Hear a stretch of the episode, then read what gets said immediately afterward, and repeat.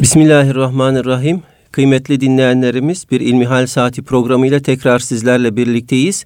Yüce Rabbimizin selamı, rahmeti ve bereketi üzerimize olsun inşallah.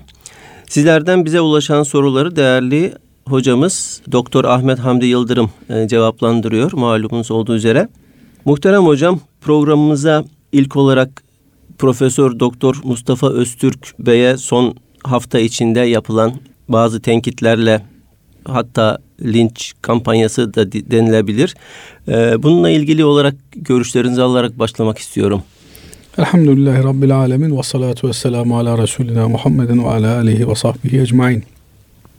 Cenab-ı Allah alim kullarını Cenab-ı Allah'tan korkan kullar olarak tasvir ediyor. İnnemâ yakşallâhe min ibâdihil ulema ayeti kerimesi bunu net ve açık bir şekilde ifade ediyor.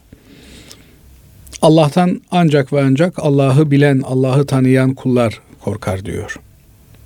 Binaenaleyh ilim takva ile beraber yürüdüğünde Allah katında bir değer ifade ediyor. Eğer ilim var, takva yoksa bunun Allah katında bir değer ifade etmeyeceği, ilim var, amel yoksa bunun da Allah katında bir değer ifade etmeyeceği Kur'an-ı Kerim'deki birçok ayeti kerimede ifade ediliyor. Özellikle de amelsiz ilmin kitap yüklü merkeplere benzetilmek suretiyle Cuma suresinde anlatıldığını görüyoruz. Binaenaleyh ilim tek başına bir değer ifade etmiyor. Beraberinde o ilmin amele dönüşmesi, amelinde ihlasa bürünmesi gerekiyor. Böylelikle ancak Allah katında makbul bir uğraş haline gelebilir ilim ile meşguliyet. Fakat eğer sadece bir ilim olarak değerlendirilir, beraberinde ameli ve nihayetinde de ihlası hedeflemezse kişi, o zaman şeytani bir ilim haline gelir ki Allah muhafaza etsin. Bu hiç bilmemezlikten yani cehli basit dediğimiz bilmemiş, öğrenmemiş, okumamış, eline kalem kitap almamış bir kimsenin cehaletinden daha ağır bir cehalet haline gelir ki Allah muhafaza eylesin. Böyleleriyle ilgili de Kur'an-ı Kerim'in birçok yerinde ikaz edici ifadeleri Cenab-ı Rabbul Alemin kullanmaktadır. Şimdi değerli hocamız Mustafa Öztürk beyefendi bir takım laflar etmiş. Hakikaten haddini aşan laflar etmiş. Bir Müslümana yakışmayacak laflar etmiş. Yani bir Müslümanın kalkıp da Kur'an-ı Kerim'in manası Allah'tandır. Lafzını Hazreti Peygamber kendisi istediği gibi uydurmuştur. Nitekim Mekke'deyken şöyle yumuşak sözler söylüyordu. Medine'deyken arkasına bir devlet erkini gücünü aldıktan sonra daha böyle şiddetli sözler söylemeye başladı türünden Hazreti Peygamber aleyhissalatü vesselam Efendimizin vahyin manasına ve lafzına yönelik bir tasarruf içerisinde bulunduğunu ima eden sözler söylemesi hatta imanın da ötesinde saraheten bunları ifade etmesi asla bir mümin Müslüman tarafından kabul edilebilecek bir şey değildir. Binaenaleyh bu sözleri söyleyene reddiyede bulunmak, bunları söylediği ton ve üslupta kendisine iade etmek gerekir. Fakat maalesef batıl batıl düşüncesini izhar ederken kendi yanlış düşüncelerini, fikirlerini insanlara empoze etmeye kalkarken bir problem olmuyor. Bu insanlar tarih boyunca gelen alimlerimize linç kampanyası başlattıklarında bir problem olmuyor, bir sıkıntı olmuyor ki bu linç ifadesi de çok böyle ayağa düşmüş bir ifade haline geldi. Kimsenin ben Mustafa Öztürk beyefendiye tekme toka saldırdığını ettiğini, üzerine yürüdüğünü görmedim. Herkes düşünce bazında bu sözlerin kabul edilemez olduğunu söylüyor. Bu sözlerin asla Müslümanlar nezdinde itibar göremeyeceğini söylüyor. E bunu söylemek de bu insanların hakkıdır diye düşünüyorum. Nitekim kendileri tarihten birçok alimi dillerine dolayıp linç edebiliyorlar. Eğer linç etmek onunla ilgili insanların düşüncelerini ifade etmek ise kendileri de bunu yapıyorlar.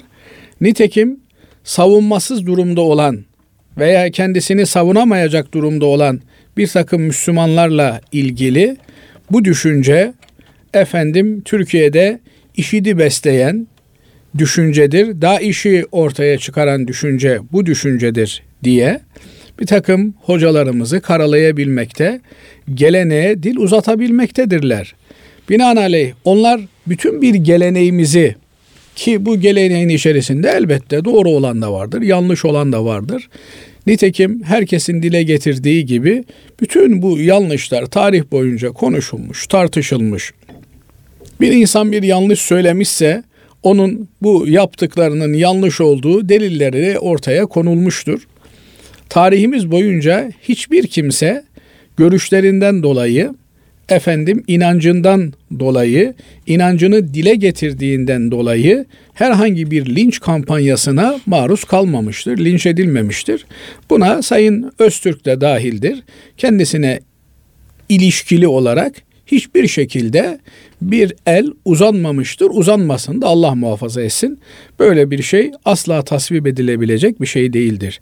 Ama yanlış yaptığı, efendim bu yaptığının Müslüman sokağında e, çok affedersiniz hınzır eti satmak anlamına geleceğini gayreti diniyesi olan herkes ifade etmektedir. İfade etmeye de devam edecektir. Bundan daha tabii bir şey olması mümkün değildir. Efendim kaldı ki Basri Hocam Hazreti Peygamber aleyhissalatü vesselam Efendimizin döneminde bir bedevi Mescid-i Nebi'de Hazreti Peygamber Efendimiz'i görmeye gelmiş. O arada sıkışmış dönmüş cemaatin huzurunda mescidin içerisine ihtiyacını gidermiş. Sahabe efendilerimiz bunu görünce üzerine yüklenmeye kalkıştıklarında Efendimiz Aleyhisselatü Vesselam durun demiş işini bitirsin. Ondan sonra da bak demiş bu yaptığın bu camilerde yapılabilecek bir şey değil. Camilerde böyle işler yapılmaz demiş. Ondan sonra da emretmiş getirmişler o pislenen yerin üzerine efendim su dökmüşler, mıcır dökmüşler neyse orayı temizlemişler. Şimdi bu beyefendi de Müslümanların müesseselerinde, Müslümanların okullarında, Müslümanların dini mekteplerinde kalkacak din dışı şeyleri anlatmaya çalışacak. Buna birileri hayır burada bunu yapamazsın derler. Bunu demeleri de linç demek değildir. Nasıl beyefendinin düşünce hürriyeti varsa bu tür gayreti diniyesine binaen tepki koyan kardeşlerimizin de hepimizin de bir düşünce hürriyeti vardır. Dolayısıyla Müslüman mahallesinde Müslümanlarla bağdaşmayacak olan Müslümanların parasıyla bir eylemi yapmasına karşı çıkmak kadar tabii bir şey olamaz. Bunu linç olarak tasvir etmek, bunu efendim itibarsızlaştırmak olarak değerlendirmek de tamamen laf kalabalığından ibarettir. Kimsenin linç filan yaptığı yok. Sadece denilen şu, eğer böyle çok değerli düşünceleriniz, fikirleriniz varsa tırnak içerisinde bunları gidin başka mecralarda, başka dünyalarda anlatın. Müslüman genç nesillerimizi bu düşüncelerinizle zehirlemeye kalkmayın. Çünkü bu düşünce beraberinde dini mübini İslam'ın tamamen ortadan kaldırılmasını getirir. Evet. Ne demek Hazreti Peygamber Efendimiz lafızlarla oynuyordu, istediği gibi orada öyle lafız kullanıyordu, burada böyle lafız kullanıyordu. E bugün olsaydı Peygamber Efendimiz o zaman başka bir lafız kullanırdı diyerek Kur'an'ın tarihselliğinin ötesinde Kur'an'ın kişiye özel şekillenebilecek bir materyal olduğunu söylemek anlamına gelen bu ifadeleri bir Müslümanın kullanması ne mümkün? Dolayısıyla ya bu kardeşimiz çıkacak diyecek ki hakikaten ben ne söylediğimi farkında değildim. Ben bir yanlış yaptım ki herkes yanlış yapabilir. Hepimiz yanlış yapabiliriz. Yanlış yapmakta problem yok. Yanlışı savunmakta ve yanlışın karşısında duranları da linç yapıyormuş diye itham etmekte problem var. Bir takım aklı evvel kimseler de Efendi Mustafa Öztürk Bey'e karşı yürütülen bu linç kampanyasını ben tenkit ediyorum filan diye Müslüman mahallesinde çıkmış Müslümanlardan gözüküp de bu tür kimselere prim vermeye çalışıyorlar. Bunların yaptıkları da çok vahim bir yanlıştır. Eğer gerçekten Mustafa Bey'in dostu iseler, eğer yaranı iseler onu bu hususta uyarmalı, ikaz etmeli ve yanlış yaptığını söylemeliler. Onun da bir erdem olarak ortaya çıkıp ben bir yanlış yaptım. Cenab-ı Allah'a tövbe ederim, iltica ederim diyerek bu inancını, bu akidesini tasih etmesi gerekir. Şimdi buradan kalkıp da tarih boyunca efendim şunlar vardı, bunlar vardı, onlar Kur'an'dan besleniyorlardı, öbürleri de Kur'an'dan besleniyorlardı diye bir takım tartışmaları göstererek bu yaptığı tartışmanın meşruluğunu ortaya koymaya çalışması ayrıca bir yanlıştır. Yanlış ifadesini burada bilerek kasıtlı olarak kullanıyorum. Farklı bir ifade kullanmamak için. Dolayısıyla bu e, zatın ve bu zatı istihdam eden kimselerin, müesseselerin, kurumların kendilerine çeki düzen vermeleri gerekiyor. Kendi efendim kazançlarıyla bu tür fikirleri ifade ediyorlar, yayıyorlarsa kendilerini ve kazançlarını ilgilendirir. Ama Müslüman milletin vergileriyle oluşmuş, bağışlarıyla oluşmuş müesseselerde bunu yapıyorlarsa o zaman Müslümanlara karşı saygılı olmalılar. Müslümanların peygamberine karşı saygılı olmalılar. Dolayısıyla herhangi bir linç hareketi vesaire filan söz konusu değil. Sadece yapılmak istenen bana attığın kurşun benim paramla olmasın evet. eylemidir. Hem Müslümanı döveceksin, Müslümanın inancına saldıracaksın, hem de Müslümandan besleneceksin. Bu ne hukuki bir şeydir ne de etik bir durumdur. Allah hepimizi yanlış yapmaktan muhafaza eylesin, korusun. Hı. Yanlışı yanlış bilerek, yanlıştan uzak durmayı hepimize nasip eylesin. Ben bu hocamızın bir yanlışın içerisine samimi olarak düştüğünü düşünüyorum. Ama samimi olarak bir yanlışın içerisine düşmek tenkit edilmemeyi gerektirmiyor. Şimdi bazı tanıdığım kardeşlerimiz hocanın samimiyetine binaen hocayı savunmaya çalışıyorlar. Ne kadar samimi olursa olsun, ne kadar iyi bir insan olursa olsun yanlış kişiye göre değerlendirilmez. Yanlış yanlıştır. Dolayısıyla hocamızın bu yanlıştan dönmesini arzu ediyoruz. Kendisiyle ilgili de herhangi bir linç kampanyası yok. Kendisi de rahat olsun. Sadece ona söylenilmeye çalışılan bu yaptığı şeyin yanlış olduğudur. Yanlıştan dönmek de bir erdemdir. Cenab-ı Allah bütün hepimizi yanlışlardan dönmeye muvaffak etsin. Amin. Allah razı olsun değerli hocam. Teşekkür ederiz bu gündemle ilgili değerlendirmeniz için. Şimdi e, bir dinleyicimizden gelen soruya geçmek istiyorum. Selamünaleyküm. Efendim, babamız dolmuşa biniyor. Henüz oturmadan biraz ileride başka bir müşteri için kapının açılmasıyla düşüyor ve beyin kanaması teşhisiyle 50 gün yoğun bakımda kaldıktan sonra vefat etti. Biz do- dolmuşçudan şikayetçi olmadık. Hastanenin uyarmasıyla dolmuşun zorunlu trafik sigortasında yolcu için ölümlü kaza sonrası taahhüt ettiği tazminat için avukat aracılığıyla başvuruda bulunduk. Bu tazminat caiz mi? Bu tazminatı almamız halinde bir anne ve dört erkek kardeşiz. Nasıl paylaşılacak? Teşekkürler. Allah razı olsun. Şimdi burada kardeşimizin anlattığı kadarıyla şoför beyin bir ihmali, taksiri söz konusu. Yolcusu oturmadan hızlı bir manevra ile evet. hareket etmiş. Bu esnada da ayakta olan yolcu savrulmuş, yere düşmüş ve vefat etmiş. Şimdi bu vefat olayında illiyet bağının araçtan düşmesi, başını bir tarafa vurması olarak görülüyor. Hasılı kelam burada bu minibüs şoförünün taksirli adam öldürme eylemi içerisine girdiği anlaşılmakta. Yani kusurlu. Taksir, kusurlu, evet. evet hatalı, ihmal sebebiyle bir e, öldürme hadisesine karıştığı anlaşılıyor. Müslümanın tabii bir süreç dışında ölümü durumunda muhakkak surette ölen kişinin ailesine bir diyet ödenmesini dinimiz emrediyor. Binaenaleyh bu diyetin ödenmesi cinayete, bu öldürmeye sebebiyet vermiş olan, ihmali ve taksiri sebebiyle yol açmış olan kimseye düşüyor. Bu yönüyle e, bir diyet ödenmesi ki diyetin e, hadisi şeriflerde karşılığı yüz devedir.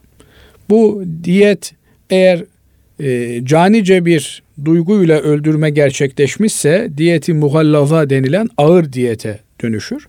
Ama burada öyle bir durum yok. Şoför kardeşimiz de herhalde herhangi bir yolcusunun arabasından düşerek ölmesini arzu etmezdi, istemezdi. Ama istemeden, bilmeden e, seri ve ani hareketle, manevra ile oluşmuş olan bir kaza sonucunda bu kardeşimiz vefat etmiş. Binaenaleyh burada ödenmesi gereken diyetin miktarı 100 deve veya bu 100 devenin yerine geçebilecek olan başka ödeme araçları ile ödenecek bir meblağ. Bunun 3 kilo 4 e, kilo 300 gram küsür gram altın olduğu da söyleniyor. Hasılı kelam bu meblağlar üzerinden yapılan bir hesaplama ile takriben efendim 500-600 bin lira veya 1 milyon TL'ye yakın bir diyet karşımıza çıkıyor. Bu diyeti aile halkı, ölenin çocukları, ailesi bağışlayabilirler. Yani kardeşim senin de bir kusurun e, varsa da bir kastın görünmüyor. Takdiri ilahi böyle olmuş diyerek babalar ile ilgili diyet talebinden vazgeçebilirler. Veya bir kısmını düşürebilirler. Efendim işte 100 liraya, 300 liraya, 500 bin liraya biz sulh olalım diyebilirler. Üstü kalsın diyebilirler. Kaldı ki burada bir sigorta meselesi devreye giriyor. Çünkü ödenmesi gereken bu diyeti kişinin tek başına ödemesi adeta mümkün değil. Evet. Yani böyle bir durum kişiyi ekonomik olarak bir daha doğrulamayacak hale getirir. Bundan sebep dinimiz e, bu öldürme hadisesine karışan kimsenin akilesi dediğimiz yakın erkek akrabasından şu kadar kişiye 3 yıl boyunca ödenmek üzere aylık şu kadar taksitlerle bu borcu ödeme yükümlülüğü getirmiştir. Binaenaleyh insanlar aylık belli miktarda diyelim ki işte 3 altın kadar bir miktarı aylık olarak ödemek suretiyle bu kimsenin üzerine düşen diyeti topluca öderler. Ama bugün itibarıyla öyle bir aile bağı kalmadığından Osmanlı'da bunu ahilik müessesesi üzerinden götürmüşler. Yani her bir meslek erbabı kendine ait bir müessesesi var. Bugün işte oda dedikleri bir müessese var. Bu odanın aidatlarından toplanan paralarla bu tür tazminatlar, diyetler vesaireler ödene gelmiş.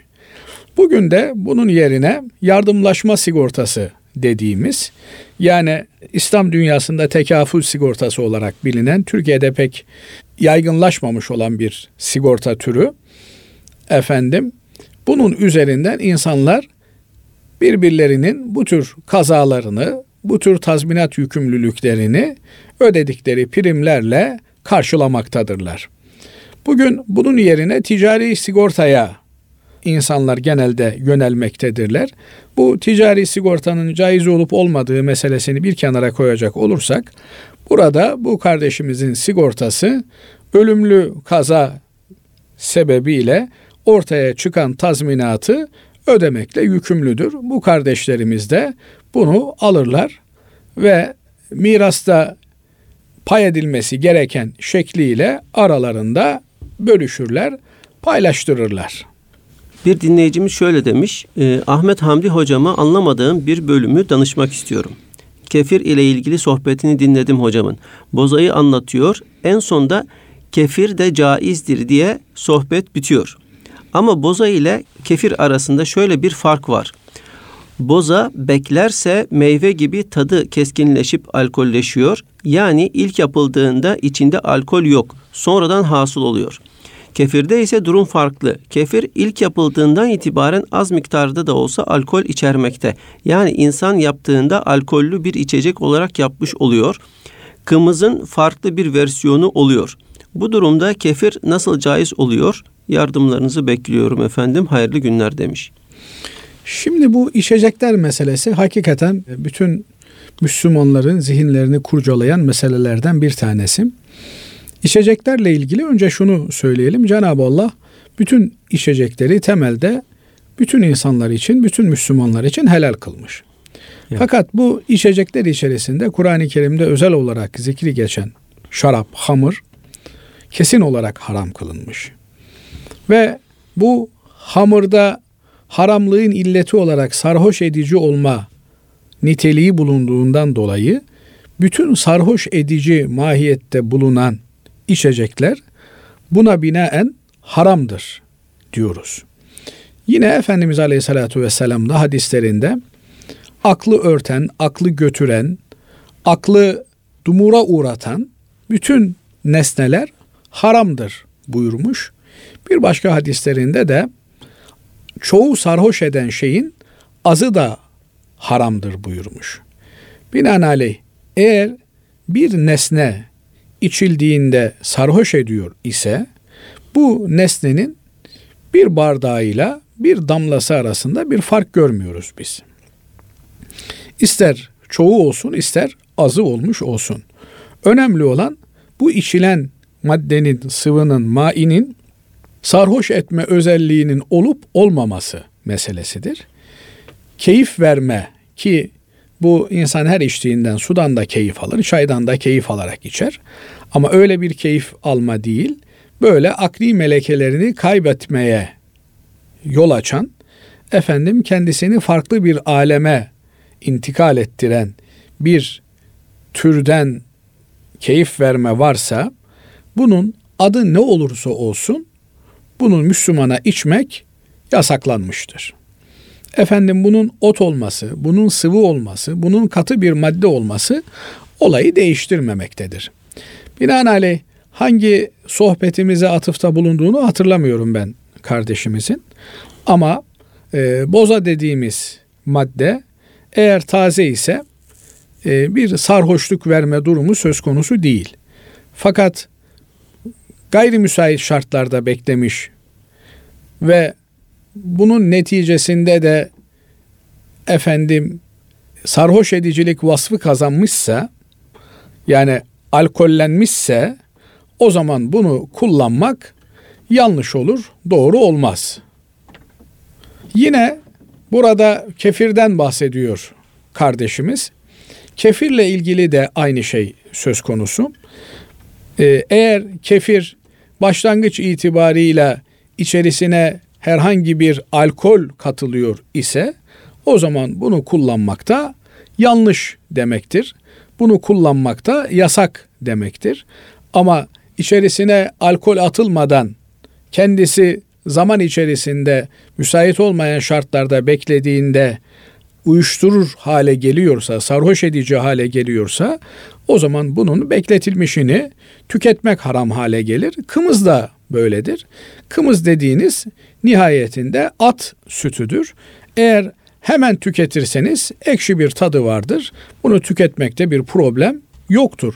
Ama eğer hemen tüketmezseniz, beklerse, biraz da sıcak bir ortamda beklerse o zaman bunun sarhoş edici olması söz konusu olur ki böyle bir durumda bunu tüketmek, kullanmak artık caiz olmaz. Demek ki özetleyecek olursak herhangi bir alkol maddesinin dışarıdan bir sıvının içerisine konulması durumunda o sıvıyı içip tüketmek caiz olmaz. Fakat normal bir şekilde kendisi bir e, dönüşümle beraber meyvelerde olduğu gibi kendiliğinden bir alkollenme söz konusu olursa ve bu sarhoş edici mahiyette olmazsa bunu içip tüketmekte problem yok. Fakat bu bir takım ortamlarda bekler ve zaman içerisinde sarhoş edici olma vasfını kazanırsa o zaman bunu tüketmek caiz olmaz. Bu kadar net ve açık bir şekilde ifade edeyim. Evet hocam Allah razı olsun. Değerli hocam bir sonraki sorumuz şöyle. Bir erkeğin iddiada bulunmaksızın futboldan kazanç elde etmesi helal midir? Ee, zannediyorum burada iddiada bulunmaksızından kasıt iddia denilen oyunu oynamadan yani farklı bir yöntemle. Şimdi e, Cenab-ı Allah Kur'an-ı Kerim'de mallarınızı aranızda batıl yollarla yemeyiniz diyor. Ne demek batıl yollar? Yani bir karşılığı olmadan alışverişte adı üstünde bir şeyi alırsınız karşılığında bir şey verirsiniz.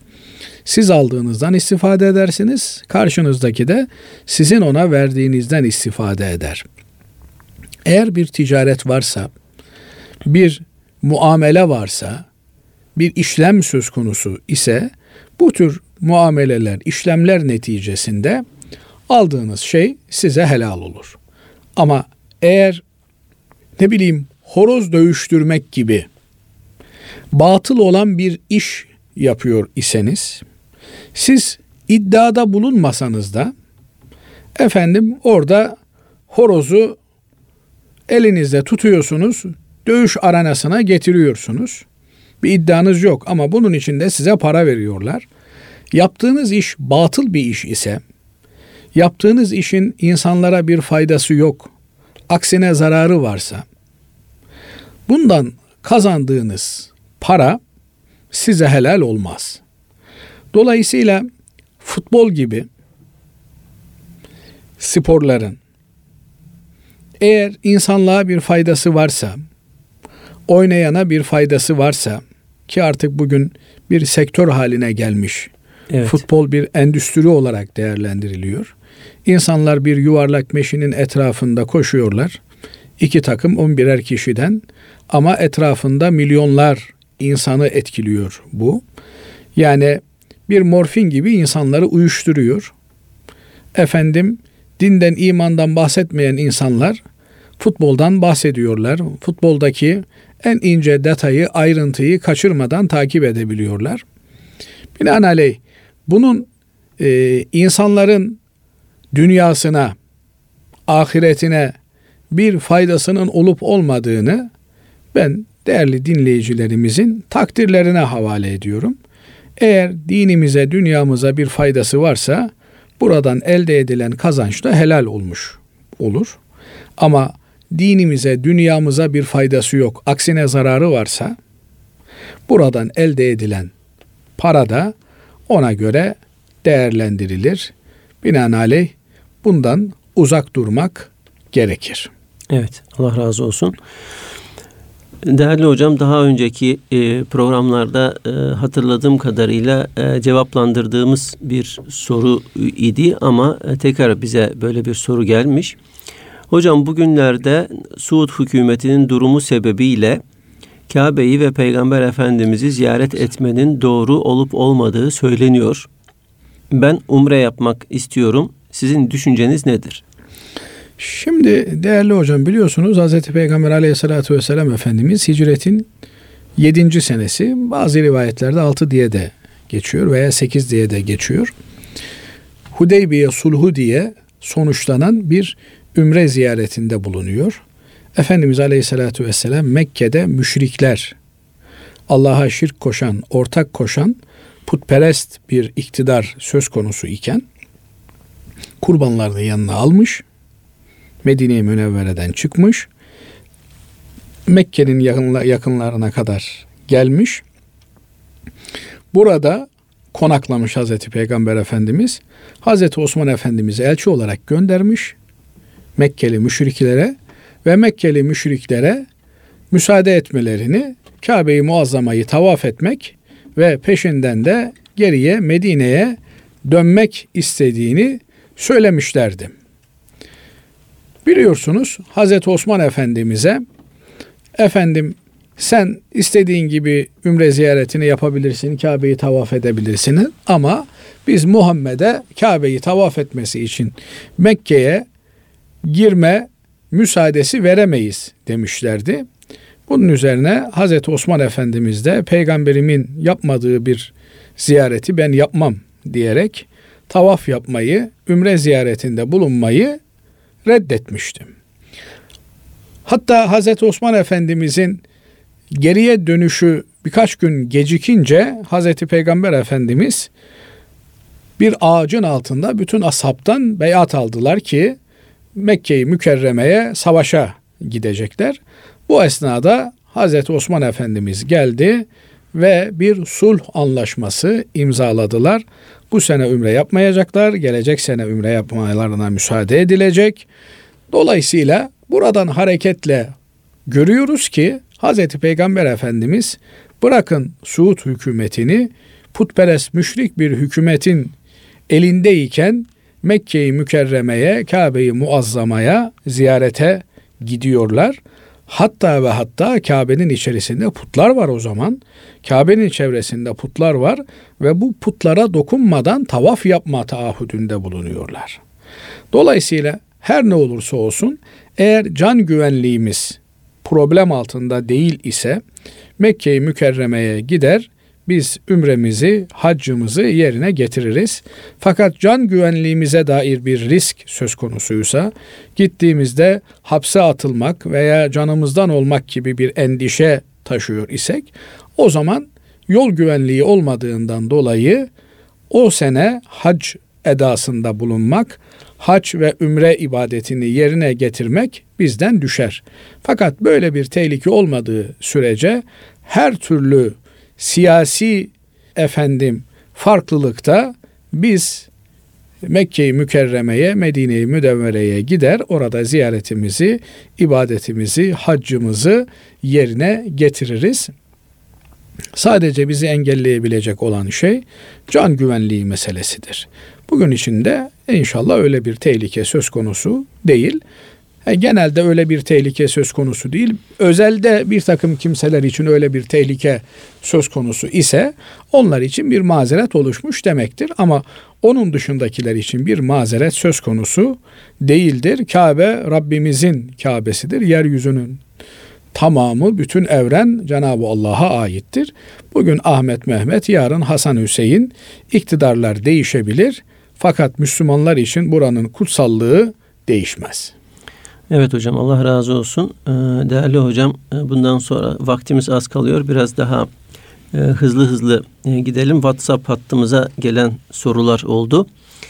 Şimdi diyor ki dinleyicimiz bir gelin kayınvalidesine bakmakla yükümlü müdür?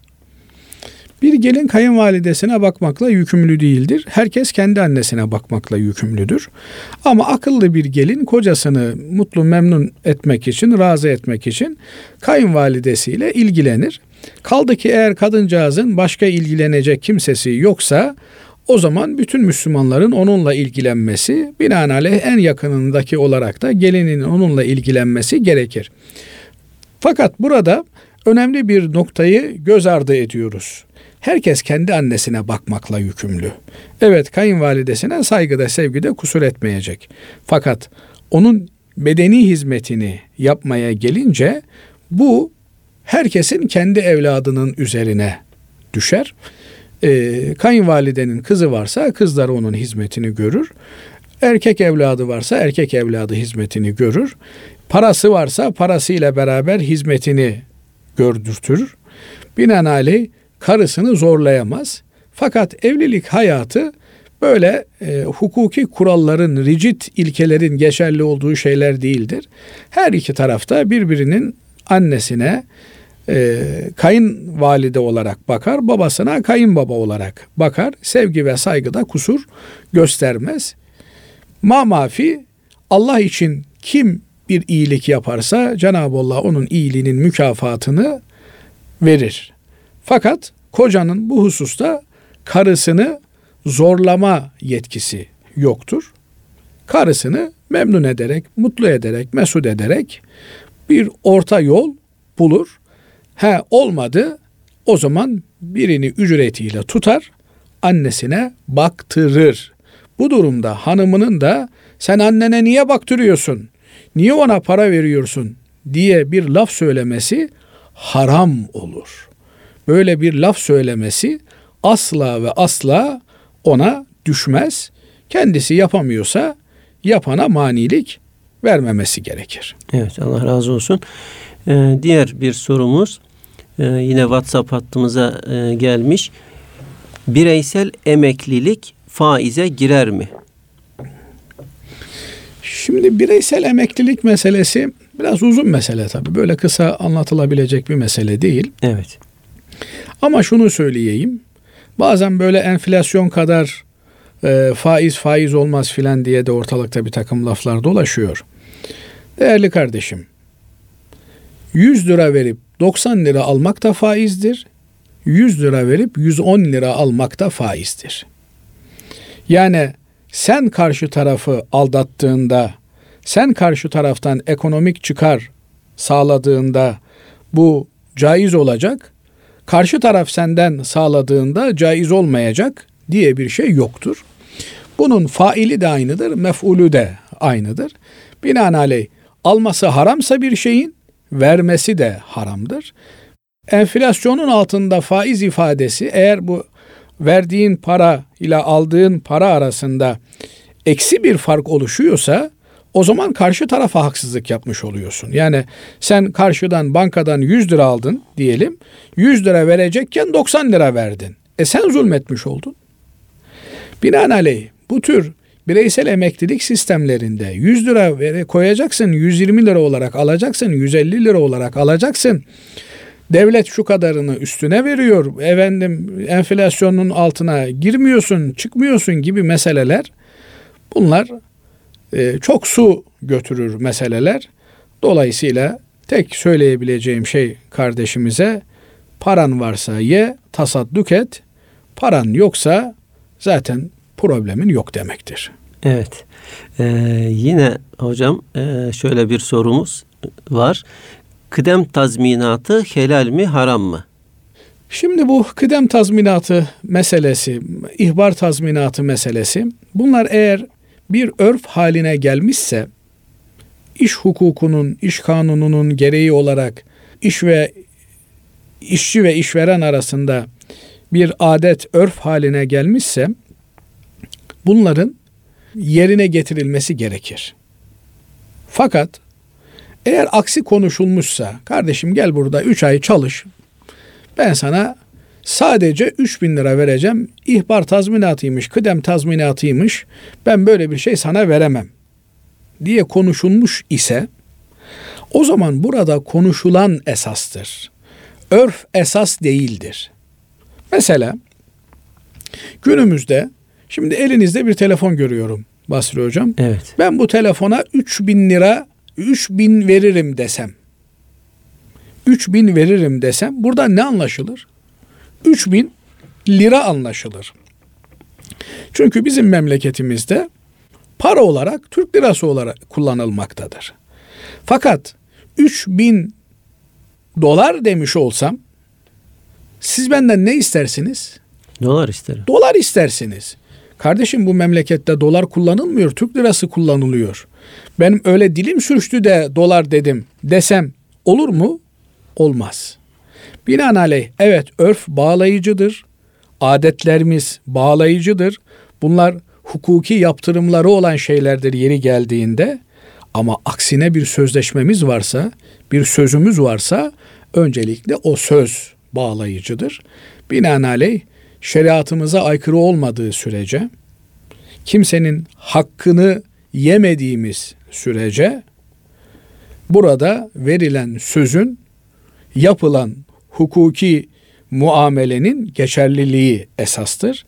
Eğer ben 3 bin lira isterim senden başka sigorta migorta şunu bunu istemem diye açıkça söylemişse adam ondan başka alabileceği bir şey yoktur. Fakat bunlar söylenmemiş iş hukukuna tabi olarak gelişmişse bugün iş hukuku İslam hukuku nezdinde örfü karşılamaktadır.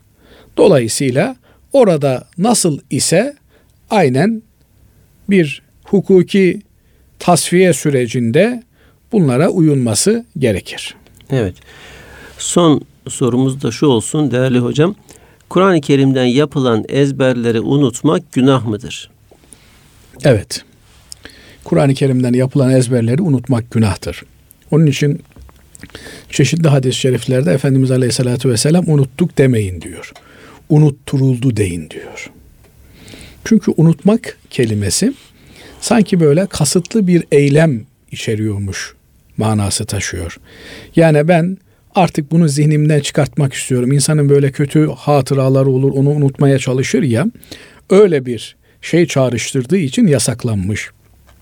Bir de Kur'an-ı Kerim'i unutmak nedir veya günah olan nedir? Nitekim Efendimiz Aleyhisselatü Vesselam buyuruyor ki cehenneme baktım diyor. Günahlar içerisinde birinin Kur'an'ı ezberleyip de unutması gibi büyük bir günah görmedim diyor. Dolayısıyla Kur'an'ı unutmak ifadesi çok ağır bir ifade, çok büyük bir günah. Ama Kur'an'ı unutmak nedir kavramı üzerinde alimlerimiz kafa yormuşlar. Demişler ki Kur'an'ı eline aldığında Kur'an'ı okuyamayacak kadar Kur'an'dan uzaklaşması kimsenin Kur'an'ı unutmak demektir. Öyle kimseler var mesela hafızlık yapmışlar çocuklarında. Sonra bir yoldan çıkmışlar ki eline Kur'an-ı Kerim'i versen harfleri tanıyamıyor. E, yoktur öylesi hocam. İnşallah yoktur. İnşallah yoktur. İnşallah yoktur. Yani bunlar işte Kur'an'ı unutmuş olan kimseler. Evet. Yoksa hafızlık yapmış da ayeti kerimeyi okurken takılıyor. İşte hatırlatınca hatırlıyor. Bunlar unutmuş sayılmazlar.